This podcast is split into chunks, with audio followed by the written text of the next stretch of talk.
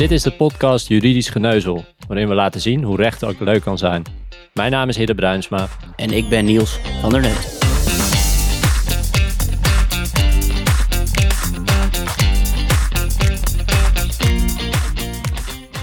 We zijn er weer, aflevering 4, met vandaag een uh, verkiezingsspecial over de arbeidsmarkt. Maar voordat we beginnen heeft uh, Niels zoals gebruikelijk uh, weer een raar verhaal. En Niels, wat heb je vandaag voor ons meegebracht? Het gaat om een leraar op een middelbare school die zich nogal rechtsextremistisch uitlaat op Facebook en op internet is te vinden als neonazi. Nou, de school wil als werkgever de arbeidsovereenkomst ontbinden als ze hierachter komen. Deze zaak komt uiteindelijk bij het gerechtshof Arnhem-Leeuwarden. Nou, even een aantal uitingen van de docent. Uh, en het zijn er best veel, maar ik lees er twee voor. Onder een krantenartikel over hoger salarissen voor politiecommissarissen schreef de docent: Zet ze in hun eigen cel en hang ze op. Ook schreef hij onder een bericht: Wat een ongelofelijke domme lesbische hippie. Voel me schuldig omdat ik radicaal rechtse standpunten onderschrijf. Achterlijk mens, typisch ook. Laat maar lullen. Aan het eind staat de overwinning. De school voedt aan dat deze leraar vanwege zijn uitingen ongeschikt is voor zijn werk. En dat het bovendien tot grote onrust leidt binnen de school. Zoals vele mails van, uh, van ouders die binnenkomen. Nou, arbeidsovereenkomst wordt door het Hof uiteindelijk ontbonden op de Haaggrond. Dat houdt in dat dit ontslag niet past binnen een andere in de wet genoemde ontslaggrond. Maar dat de omstandigheden zodanig zijn dat van een werkgever in redelijkheid niet kan worden gevergd de arbeidsovereenkomst te laten voortduren. Het Hof overweegt dat een docent een voorbeeldfunctie heeft en dit ziet onder andere op het respect voor anderen. Deze voorbeeldfunctie houdt niet op bij het einde van de lesdag, maar strekt zich eigenlijk ook daarbuiten en ook het internet valt die dus, dus onder. Nou, wat nog heel belangrijk is, wat het Hof hieraan toevoegt, is dat de arbeidsovereenkomst van een werknemer nooit mag worden beëindigd vanwege de politieke overtuiging, maar het moet gaan om de manier waarop een bepaalde opvatting wordt geuit. Nou, van de redelijke extreme opvatting van uh, deze docent gaan we naar waar we vandaag echt over gaan hebben. Namelijk de standpunten uit de verkiezingsprogramma's op het gebied van de arbeidsmarkt. Maar eerst moeten we even terug naar eind 2018. Toen werd namelijk in opdracht van het kabinet een uh, adviescommissie ingesteld voor het geven van advies over de veranderingen op de arbeidsmarkt. En het rapport van deze commissie verscheen in januari 2020. En de boodschap van het rapport? De arbeidsrechtelijke regels moeten volledig op de schop, want het vele flexwerk leidt tot ongelijkheid en vormt zelfs een bedreiging voor de economie. Een boodschap die toen aardig wat alarmbellen deed afgaan. En het lijkt me dus logisch dat veel van deze adviezen zijn terug te zien in de verkiezingsprogramma's. Is dat ook zo? Ja, je ziet veel adviezen van deze commissie terug in de verkiezingsprogramma's, zeker. Deze commissie heet trouwens de Commissie Regulering van Werk, ook wel bekend onder de naam Commissie Boslab. En alle partijen lijken dit advies goed te hebben gelezen. En er zijn, ja, zijn eigenlijk gaan forums shoppen. De adviezen waar ze zich in kunnen vinden, hebben ze in hun programma opgenomen. En de rest hebben ze lekker gelaten voor wat het is. Nou, ik heb het zelf, het rapport van de commissie Borslab en alle verkiezingsprogramma's uh, niet gelezen. Ik was namelijk een beetje druk met het invullen van de vele stemwijzers. Maar wat ik wel heb meegekregen is dat er 37 politieke partijen meedoen aan de verkiezingen. En dat is een flinke stijging ten opzichte van de vorige verkiezingen. Toen deden er namelijk 28 partijen mee. En nu heb jij heerlijk de programma's van de acht grootste partijen volgens de peilingen doorgenomen. En daar zijn wat interessante punten uitgekomen. Zo hoorde ik in de wandelgangen dat veel partijen het minimumloon willen verhogen. Hoe zit dat precies? Ja, dat klopt. Bijna alle partijen willen zelfs het minimumloon uh, verhogen. Alleen CDA twijfelt en die wil eerst meer onderzoek doen of de verhoging van het minimumloon wel het beste middel is. Nou, VVD en PVV noemen in hun programma dat het minimumloon omhoog moet. En meer zeggen ze daar eigenlijk niet over. Dus als, als het loon met 10 cent wordt verhoogd, dan hebben zij in ieder geval aan hun belofte voldaan. Ja, dat is zo. Maar het, het, is natuurlijk wel een liberale gedachte dat arbeid moet lonen. Dus dat past wel bij de VVD. En PVV heeft sowieso vooral een programma met standpunten en weinig toelichting. En dan vooral standpunten over uw land, uw inkomen, uw pensioenen, ga zo maar door. Ja, dat zijn we van gewend. Ja, het is, het is sowieso een vooruitgang, want bij de vorige verkiezingen hadden ze één A4'tje verkiezingsprogramma. Het zijn er nu 52 eh, met wel iets meer tekst en uitleg dan ik nu zeg. Maar het zijn veel, veel standpunten en een aantal worden toegelicht, maar deze niet. Nou, genoeg over de VVD en eh, PVV op dit punt. Um, D66 wil een verhoging van minstens 10% en het liefst 20%. Dat komt uit op 10,70 euro of 11,60 euro. Dat minimumloon is op dit moment 9,72 euro op basis van een 40-urige werkweek. En volgens mij verdient ongeveer 6% dat. Dat zijn zo'n 550.000 mensen, als ik me niet vergis. PvdA, GroenLinks en SP gaan verder en willen het minimumloon stapsgewijs verhogen naar 14 euro per uur. En tot slot ChristenUnie, die af wil van de verschillende minimumuurlonen voor 36, 38 en 40-urige werkweken. Zij nemen de 36-urige werkweek als uitgangspunt door het minimumloon van werknemers die voor de berekening nu een 40-urige werkweek hebben, sowieso een stijging plaatsvindt van ruim 11%. En daarbovenop willen ze nog voor iedereen 10% extra. Maar ik vind het toch wel opvallend, want jarenlang houden vooral de rechtse partijen een stijging van het minimumloon tegen. En ineens zijn bijna alle partijen voor een stijging. Hoe kan dat? Hebben de vakbonden heel goed gelobbyd dit jaar? Je zou in misschien, uh, misschien wel denken, vakbonden hebben goed gelobbyd, maar dat is het niet. Het verschil met voorgaande jaren is dat het Centraal Planbureau voor het eerst niet zegt, als de lonen laag blijven, is dat goed voor de economie. Het Centraal Planbureau kun je trouwens een beetje zien als een soort economen van de overheid. En zij berekenen alle verkiezingsprogramma's door. En zij hebben modellen aangepast en daarin komt tot uitdrukking nu dat de werkgelegenheid met minder dan 0,5% afneemt als het minimumloon met 10% stijgt. Nou, eerst gingen de modellen ervan uit dat de werkgelegenheid veel meer zou krimpen dan dat. En in dit hele verhaal zit ook wel iets eigenaardigs. Hè? Want ja, in de praktijk is er niks veranderd, maar in ons denken over de economie wel. En daardoor is er ineens ruimte voor een hoger minimumloon.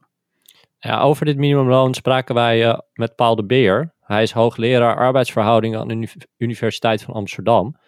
En wij stelden hem de vraag of de verhoging van het minimumloon het probleem van de werkende armen kan oplossen. En hij zei erover het volgende. Er is de laatste tijd brede steun onder de politieke partijen voor verhoging van het minimumloon. Lang niet alle partijen willen zo ver gaan als de FNV, die pleit voor een verhoging van 10 naar 14 euro per uur. Maar van PVV tot SP wordt gepleit voor verhoging van het huidige minimumloon. Op het eerste gezicht is daar ook veel voor te zeggen.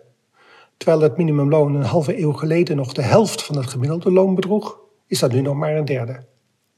Dat komt vooral doordat het minimumloon gekoppeld is aan de cao-lonen. En die blijven gemiddeld voor een half procent per jaar achter bij de feitelijk verdiende lonen. En zo'n half procent per jaar telt op de duur toch behoorlijk zwaar mee. Om te beginnen is het dan ook wat vreemd dat de meeste politieke partijen het minimumloon wel willen verhogen, maar geen voorstellen doen om het jaarlijkse aanpassingsmechanisme te veranderen. Alleen GroenLinks doet dat wel. Die partij wil het minimumloon voortaan koppelen aan het gemiddelde verdiende loon. De belangrijkste reden om het minimumloon te verhogen is om het aantal werkende armen te, beperken. Het probleem dat steeds meer mensen die werken toch arm zijn. Het zegt er wel de vraag of een verhoging van het minimumloon daarvoor een effectief instrument is. De toename van het aantal werkende armen zit hem vooral bij de ZZP'ers en bij mensen met een deeltijdbaan. Een verhoging van het minimumloon heeft echter geen effect op de inkomen van de ZZP'ers omdat het minimumloon bij hen niet van toepassing is. En arme deeltijders zijn over het algemeen meer geholpen met een uitbreiding van het aantal uren dan met een hoger minimumloon. Omgekeerd zijn de meeste werknemers die nu het minimumloon verdienen helemaal niet arm. Dat komt omdat ze meestal geen alleenverdiener zijn, maar nog andere gezinsleden hebben die een inkomen verdienen. Bijvoorbeeld hun partner of hun ouders als het om thuiswonende kinderen gaat. Voor hen is het natuurlijk wel prettig als ze meer gaan verdienen, als ze tenminste hun baan behouden. Maar het draagt niet bij aan vermindering van armoede. Kortom, de meeste werkende armen zijn niet geholpen met een hoger minimumloon. En degenen die er wel baat bij hebben, zijn in veel gevallen niet arm. Een sympathieke maatregel, zo'n verhoging van het minimumloon. Maar het is een illusie dat daarmee het probleem van de werkende armen zou worden opgelost. Wat Paul de dus eigenlijk zegt, is dat de directe link tussen het minimumloon en armoede verder weg is dan ooit. En dat de verhoging van het minimumloon niet, of in ieder geval niet heel veel gaat bijdragen aan armoedebestrijding. Is het dan wel een goed idee het minimumloon te verhogen? Nou, mensen moeten fatsoenlijk betaald krijgen voor hun werk en dat argument blijft natuurlijk bestaan. De economie en het denken daarover, ook in Den Haag, is gericht op de trickle-down theorie. dit houdt in feite in dat economische groei eerst leidt tot meer ongelijkheid, maar dat iedereen op termijn profiteert van deze groei, zoals een hoger inkomen. Nou, nu zijn er meerdere onderzoeken geweest waaruit blijkt dat de economie weliswaar groeit, maar dat ongeveer de helft van de werkende mensen die economische groei niet terugziet. Nou, vooral de kleine groep zeer vermogende mensen worden eigenlijk nog vermogender. En dit was volgens mij ook de reden dat het uh, boek Fantoomgroei is geschreven.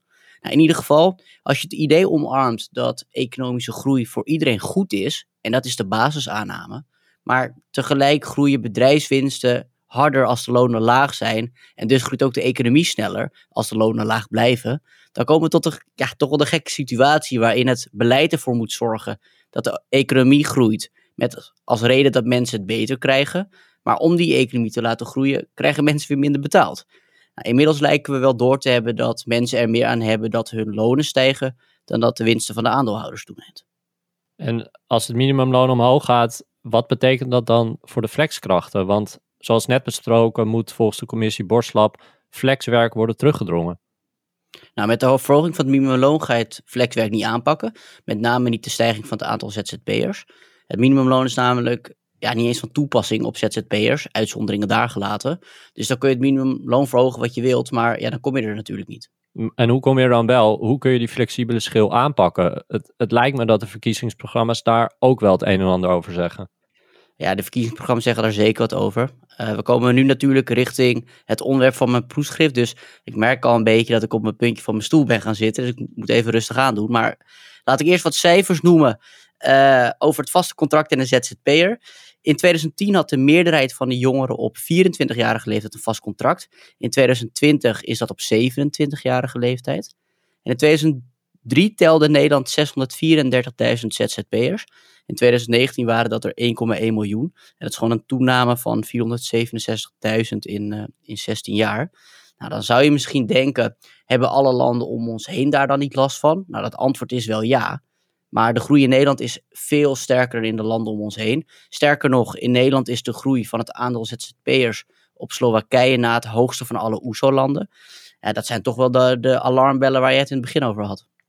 Ja, het zou, het zou eigenlijk wel top zijn als het aantal gevaccineerden zo hard groeide. Maar dat uh, zie ik nog niet gebeuren.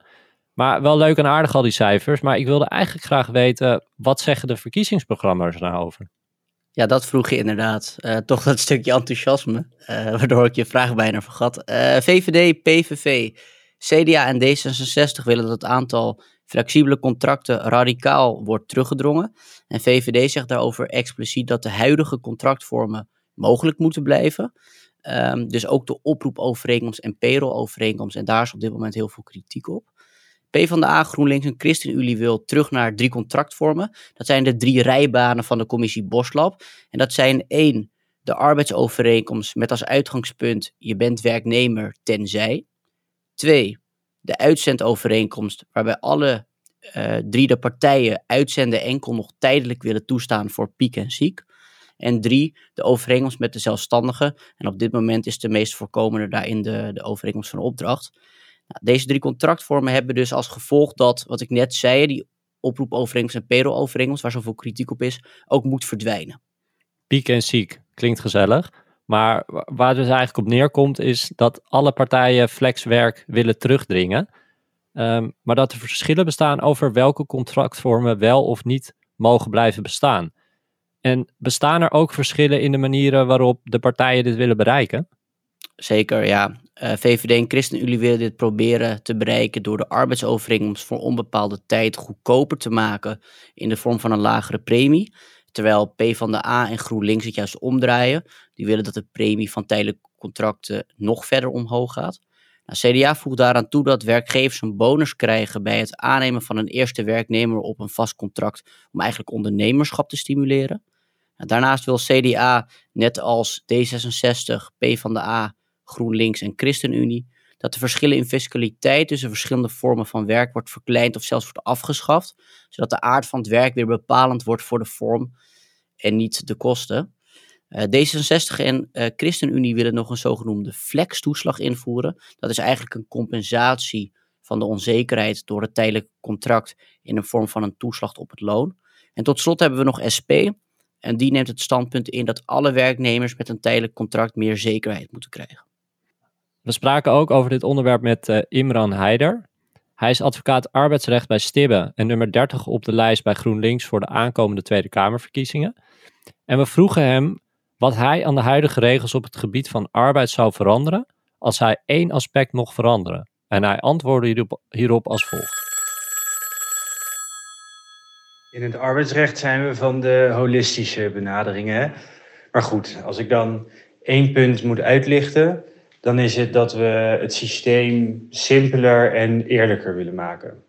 Door enerzijds, net als de commissie Borslap, te kiezen voor slechts drie contractvormen voor werk. Dat is lekker overzichtelijk.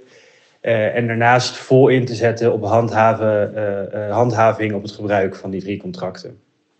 Hoe doe ik nou met de handhaving? Dat gaat erom dat mensen hun recht ook moeten kunnen halen. En dat gebeurt niet altijd. Dus hoe willen we daarvoor zorgen? Nou, we willen de positie van vakbonden versterken en flink investeren in de sociale advocatuur, de inspectie en de rechtspraak. Waarom vakbonden? Nou, vakbonden uh, staan werknemers bij en uh, procederen zelf over belangrijke rechtsvragen. De inspectie, SZW, de arbeidsinspectie, die heeft nu nog niet zo heel veel bevoegdheden echt op arbeidsrechtelijk gebied. Dus uh, vooral op arbeidsomstandigheden en arbeidstijden en zo. Dus daar willen we verandering in brengen. De sociale advocatuur is heel belangrijk, verleent individuele rechtsbijstand.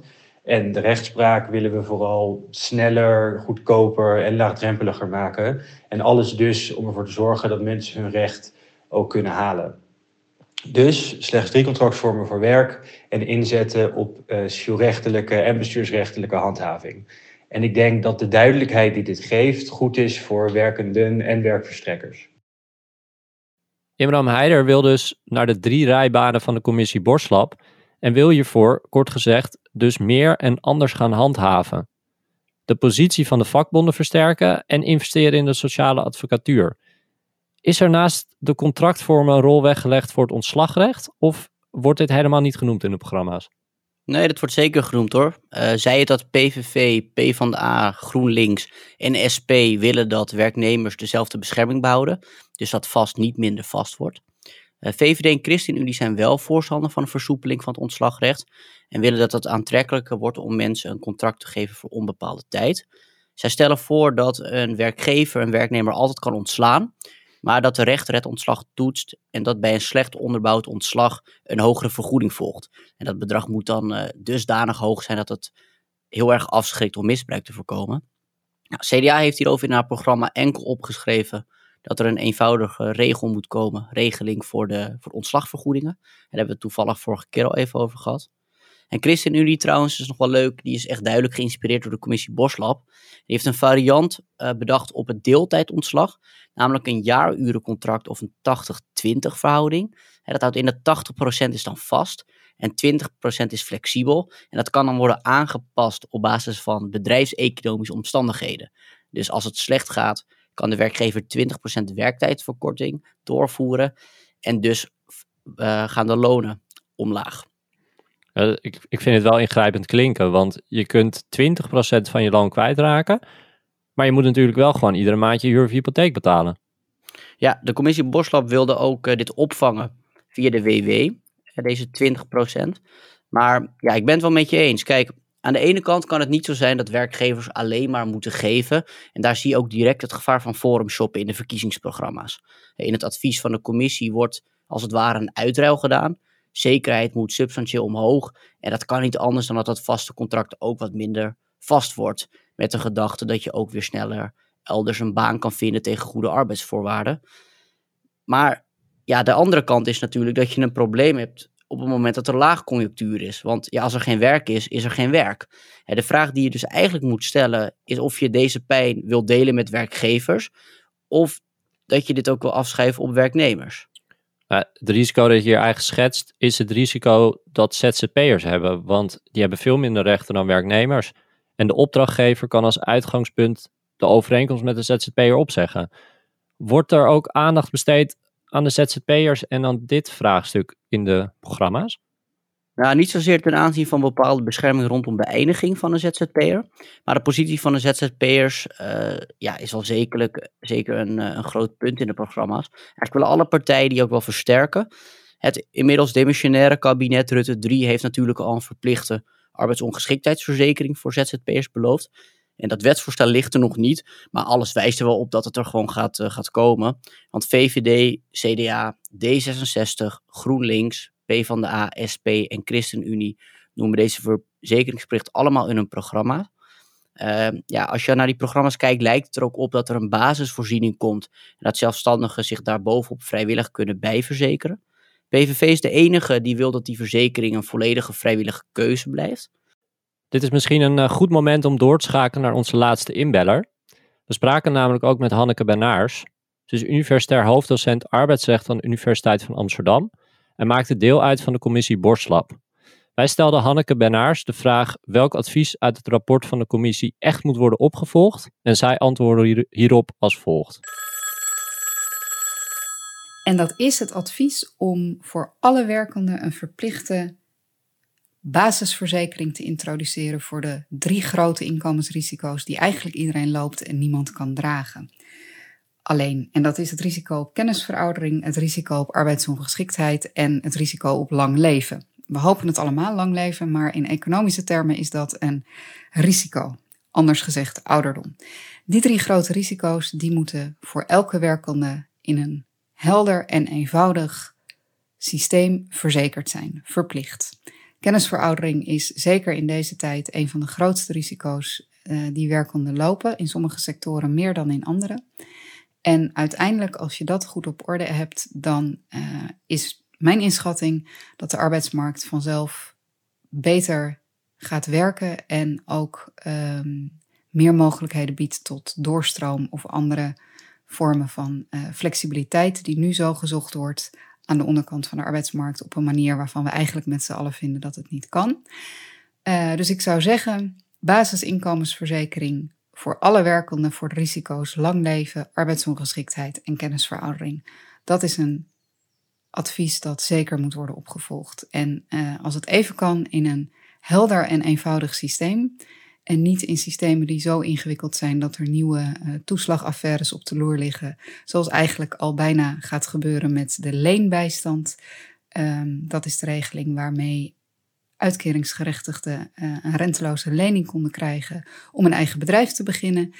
En als dat niet zou lukken, dan uh, wordt de lening kwijtgescholden. Maar vervolgens wordt dat opgeteld bij hun inkomen, waardoor ze uh, steeds dieper in de schulden en de problemen komen. Nou, dat is een voorbeeld van zo'n maatwerkoplossing die uiteindelijk niet werkt.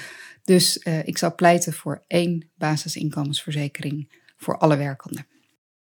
Hanneke Bernaars wil dus één basisverzekering voor alle werkenden ten aanzien van arbeidsongeschiktheid, ouderdom en kennisveroudering. Over arbeidsongeschiktheidsverzekering hebben we het net natuurlijk al gehad. En voor de werknemer is het al goed geregeld. En voor de ZZP'er op dit moment nog niet. Nou, kennisveroudering ziet eigenlijk op alle werkenden. Dat staat zowel voor de werknemer als de zelfstandige eigenlijk nog flink in de kinderschoenen. En ja, ouderdom ziet eigenlijk op pensioen. Voor de werknemer is dat al goed geregeld en voor de ZZP'er nog niet. En dat zie je ook veel terug in de verkiezingsprogramma's. VVD, PVV en CDA willen dat het eenvoudiger, goedkoper en vanzelfsprekender wordt dat zelfstandigen pensioen gaan opbouwen. Van die lekkere leuzen. Nou, P van de ASP en ChristenUnie willen verder gaan. Die willen namelijk dat de zelfstandigen verplicht pensioen gaan opbouwen. En ten aanzien van de ZZP'ers zie je ook nog wat andere punten terug in de verkiezingsprogramma's. D66 en P van de A besteden nog aandacht aan dat er meer mogelijkheden moeten komen voor zelfstandigen tot collectief onderhandelen om tegenwicht te bieden aan de marktmacht van opdrachtgevers. En tot slot GroenLinks, P van de A en ChristenUnie, die willen dat ZZP'ers een fatsoenlijk minimumtarief krijgen. Nou, dat is een uh, aardige rits met initiatieven. Maar dan zijn we er natuurlijk nog niet, hè, als je mijn proefschrift moet geloven. Maar daar gaan we het een andere keer over hebben. Nee, precies. Nou, dan zitten we hier morgen nog.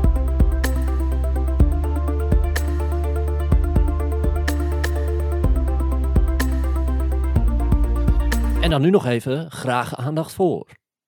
Deze keer ben ik aan de beurt om uh, ergens aandacht voor te vragen. En ik dacht, ik blijf lekker dicht bij het onderwerp van de aflevering. Er zijn namelijk onwijs veel kieswijzers. En ik wil er graag drie uitlichten die volgens mij nog niet heel bekend zijn. Nummer 1 is Young Voice een stemhulp gericht op jongeren, waarbij de inhoud op een Instagram-achtige wijze veel toegankelijker voor deze doelgroep uh, is gemaakt. Nummer twee is de ongemakkelijke kieswijzer. Een stemhulp met vragen waar je eigenlijk liever geen antwoord op wil geven. En nummer drie, de burgeragenda. Een meer interactieve stemhulp waarbij je moet kiezen uit vijf antwoorden. En die ervoor zorgt dat je wat meer gaat nadenken over je antwoorden. Wat met het invullen van de automatische eens of oneens piloot lastig is. Nou, het lijkt er dus op dat het doorploegen van alle partijprogramma's, zoals Arme Niels uh, deze keer heeft gedaan, dus steeds minder nodig is.